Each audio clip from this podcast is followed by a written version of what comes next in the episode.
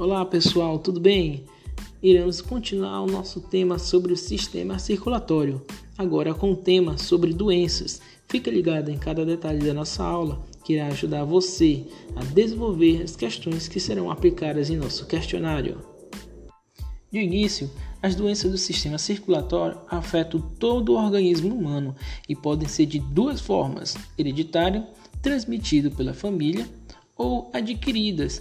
Essas formas adquiridas podem ter uma alimentação incorreta ou o sedentarismo.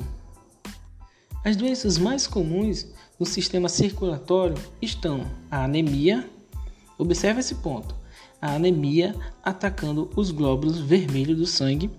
Também temos a leucemia, que ataca os glóbulos brancos, e a hemofilia, atacando as plaquetas.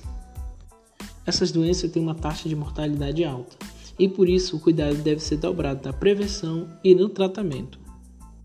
Na anemia, a qualidade da hemoglobina ela fica muito baixa do normal, provocando doenças como a anemia ferropriva, causadas pela falta de ferro no organismo.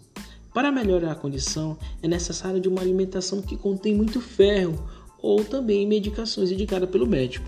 Os principais sintomas são problema na respiração celular, Provoca isso que a falta de energia no seu organismo. Na leucemia, o câncer do sangue produz leucócitos e glóbulos brancos jovens e anormais, sendo necessário que os leucócitos amadureçam na medula óssea para poder ir às correntes sanguíneas. Caso contrário, provoca doenças e baixa imunidade. O tratamento ele deve ser de radioterapia e transplante de medula óssea. Já sobre a hipertensão ou pressão alta, é uma doença crônica da pressão sanguínea no interior das artérias. Pressão normal é de 12 por 8.